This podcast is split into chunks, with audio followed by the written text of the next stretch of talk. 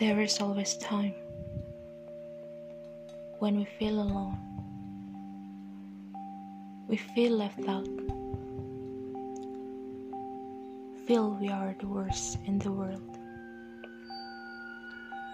Be the peace if you are a boy. Become Sadako if you are a girl. It looks terrible, our image. It's our thoughts. Some people were able to brush it off in different times. Some are fast without thinking much. The others hesitated. And some others are very dark. But when you feel the deepest pain and you can suppress it. Sooner or later, you will make peace with yourself because you are trained to accept yourself at your lowest point.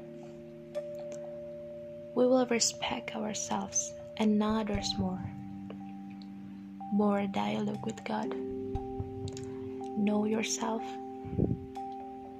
and recognizing things from the deepest point of view.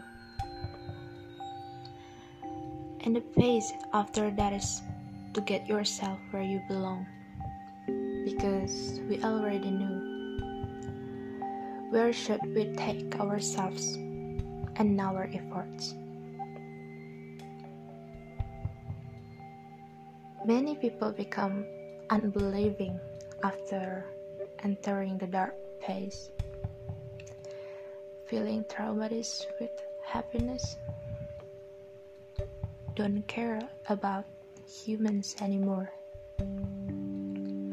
In truth, humans are sinners. We are sinners, can be as perfect as we want. Even his own human always apologize to himself. Just so you know, a pace like this is very valuable. Without us knowing the black side of life will enliven our hearts.